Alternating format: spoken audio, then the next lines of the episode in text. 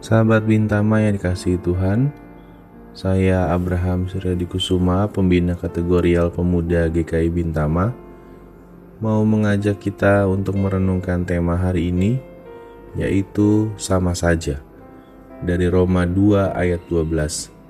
Sebab semua orang yang berdosa tanpa hukum Taurat akan binasa tanpa hukum Taurat, dan semua orang yang berdosa di bawah hukum Taurat akan dihakimi oleh hukum Taurat. Apa yang paling berbahaya dari orang beragama? Kesombongan rohani. Orang yang sombong rohani merasa dirinya benar, sedangkan yang lain salah. Maka ia merasa berhak untuk menilai kafir orang lain. Bahkan ia membenarkan kekerasan pada sesama atas nama penegakan kebenaran agama. Orang-orang Kristen Yahudi di Roma dulu mengidap penyakit berbahaya ini. Mereka merasa diri mereka lebih istimewa daripada orang-orang Kristen non-Yahudi karena mereka memiliki hukum Taurat. Oleh karena itu, mereka sering mengejek yang non-Yahudi. Namun, Rasul Paulus menegaskan bahwa semua orang sama di mata Allah tidak ada yang lebih istimewa dibandingkan yang lain.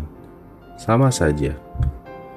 Hukum Taurat diberikan Allah untuk dipatuhi orang-orang Yahudi, bukan untuk disombongkan.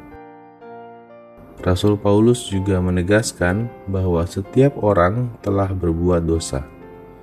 Orang-orang Yahudi gagal menaati hukum Taurat mereka, sedangkan mereka yang non-Yahudi gagal menaati hati nurani mereka maka Allah akan menghakimi mereka dengan ukuran yang sama, yaitu perbuatan mereka.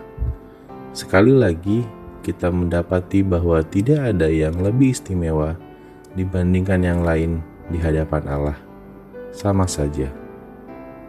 Sahabat Bintama, kita diingatkan bahwa tidak ada orang atau kalangan tertentu yang lebih baik, lebih istimewa di hadapan Allah kita akan dihakimi Allah sesuai perbuatan kita, bukan berdasarkan status, aktivitas, atau pengetahuan keagamaan kita. Oleh karena itu, marilah kita belajar untuk menaati perintah Allah di dalam kehidupan kita. Kiranya Allah menolong kita. Amin.